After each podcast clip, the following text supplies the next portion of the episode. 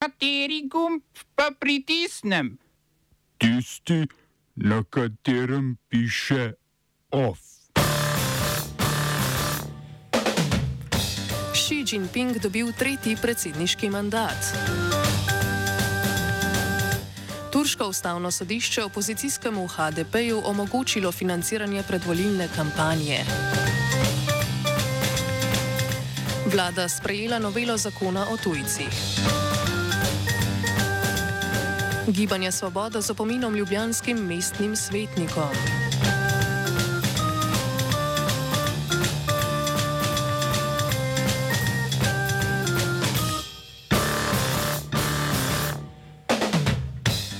Turško ustavno sodišče je odpravilo blokado, blokado državnega financiranja opozicijske ljudske demokratske stranke, znane pod kratico HDP.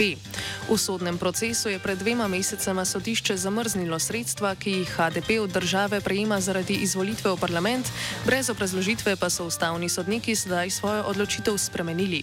Gre za proces pregona HDP-ja, ki ga je glavni državni tožilec pred dvema letoma obtožil sodelovanja z delovsko stranko Kurdistana, krajše PKK. PKK v Turčiji preganjajo kot teroristično organizacijo, tožilec pa je od sodišča zahteval tudi prepoved HDP-ja. Sodišče je pred splošnimi volitvami, ki so v Turčiji napovedane za 14. maj, prav tako zamaknilo zagovor HDP-ja iz marca v april. HDP je v parlamentu druga največja opozicijska stranka.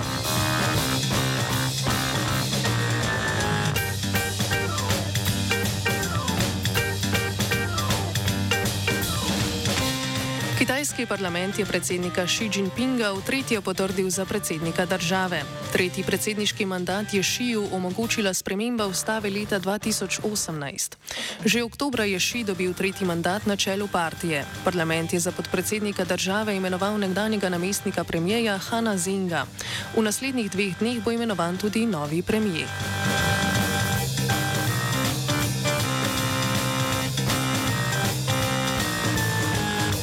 Na nepalskih predsedniških volitvah je zmagal nekdani podpredsednik nepalskega kongresa Ram Chandra Povdel.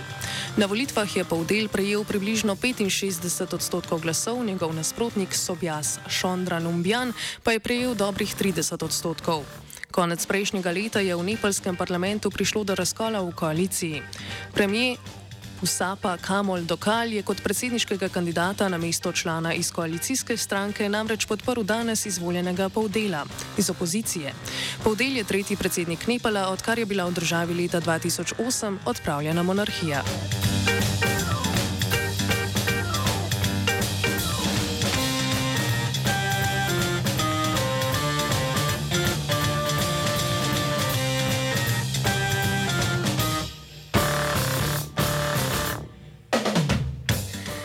Svet Evropske unije je odobril brezvizumsko potovanje v Unijo za imetnike kosovskih potnih listov. O tem morajo glasovati še v Evropskem parlamentu. Imetniki kosovskih potnih listov bodo po novem v državah Unije lahko brez vize prebivali približno 90 dni v 180-dnevnem obdobju. Oprostitev vizumskih obveznosti bo začela veljati s koncem letošnjega oziroma začetkom prihodnjega leta.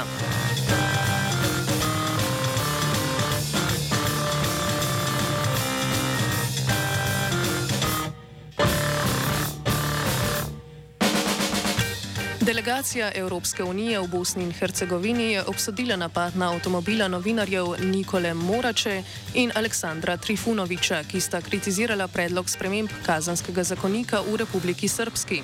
Po napovedanih spremembah kazanskega zakonika bi obrekovanje postalo kaznivo dejanje, obsojenim pa bi lahko izrekli globo v višini do 50 tisoč evrov. Pred poškodovanjem avtomobilov novinarjev je predsednik srpske entitete Milorad Dodik zatrdil, da bosta Morača in Trifunovič če bo zakon sprejet, gotovo oglobljena.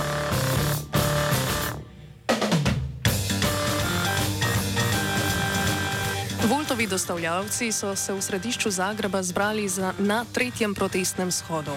Razlog za shod je znižena plača za dostavljavce, do česar je prišlo, ko je Volt preračunal svoj cenik iz kun v evre. Dostavljavci z motornimi vozili zdaj na dostavo zaslužijo 1,9 evra, kar je za 20 lip manj od plačila pred menjava valute. Za 3 evre se je znižal tudi dodatek, ki je dostavljavcem izplačan na vsakih 125 dostav. Smo se osamosvojili, nismo se pa osvobodili. Naslednje število je še 500 projektov. Izpiljene modele, kako so se strani nekdanje LDS rotirali. Ko to dvoje zmešamo v pravilno zmes, dobimo zgodbo o uspehu. Takemu političnemu razvoju se reče udar. Jaz to vem, da je nezakonito, ampak kaj nam pa ostane? Brutalni obračun s politično korupcijo. To je Slovenija,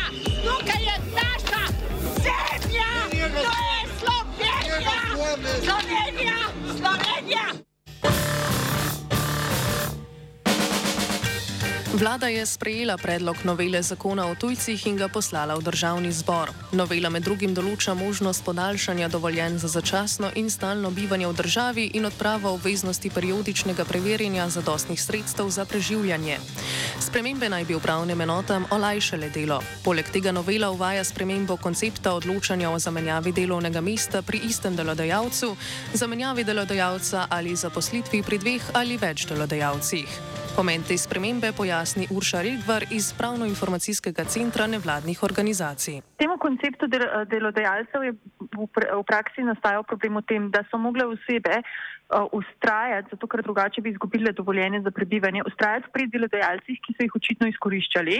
Um, zato ker je v bistvu zakonska zahteva bila, da določen čas, mislim, da leto ali celo dve, uh, ustrajajo pri istem delodajalcu in so zaposleni pri istem uh, delodajalcu, drugače bi lahko izgubili delovno dovoljenje. Ne? In zdaj, smisel te zakonske določbe je v tem, da se zavaruje tiste delavce, ki so um, strani delodajalcev um, izkoriščeni, se pravi v smislu, da nekateri uh, morajo vračati plače nazaj na roko, drugi delajo um, predolgo časa, tretjim se mogoče sploh ne izplačujejo plače ali pa niso določeni prispevki uh, plačeni in tako dalje. Tako da to bo omogočili zdaj tujim de de uh, delavcem, da ko ko bodo um, v bistvu zaposleni v Sloveniji, v primeru, da bojo želeli iz katerega koli razloga v bistvu uh, delodajalca zamenjati, ga bodo lahko.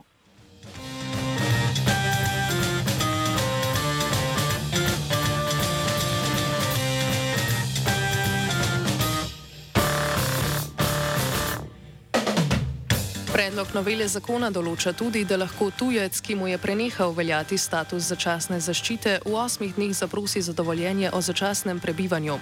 Novela bo ponovno uvedla tudi polno financiranje tečajev slovenščine za vse kategorije tujcev, uvaja pa tudi možnost prehoda državne meje v primerih, ko ima tujec uloženo prošnjo za podaljšanje ali izdajo nadaljnega dovoljenja za prebivanje. Znanje slovenskega jezika bi kljub noveli ostalo pogoj za združitev z družino, kar je v zakon uvedla Janševa vlada. O pomankljivostih novele zakona več pove Miha Blažič iz ambasade Rog. Uh, pogoj znanja slovenskega jezika za združevanje z družino oziroma za podaljšanje bivanja ostaja. Uh, se pravi, ta, ta člen, ki ga je Jančeva vlada uvedla 2021 in je zagovornik načela enakosti, ugotovil, da je izrazito diskriminatoren, uh, v zakonu ostaja.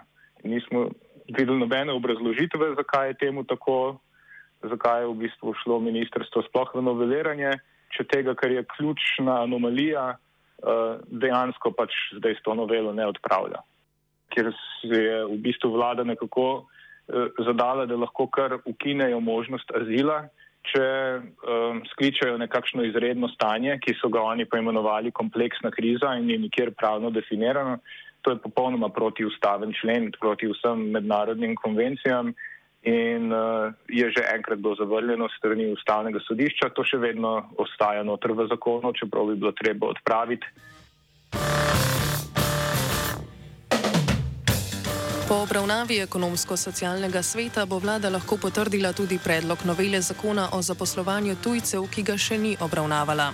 Med predhodnimi določbami sprememba tega zakona predvideva, da bodo lahko prosilci za azil dostop do trga dela pridobili tri mesece po vložitvi prošnje. Po trenutno veljavnem zakonu o mednarodni zaščiti morajo na dovoljenje za delo čakati devet mesecev.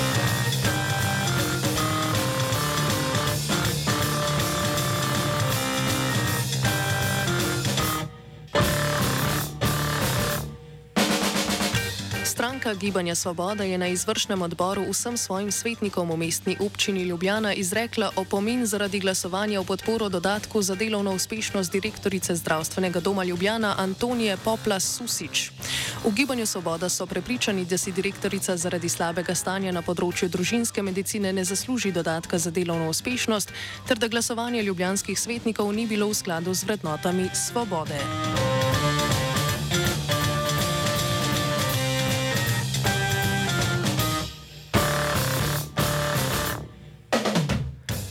Je pripravila vajenka Neva, pomagal je Pero.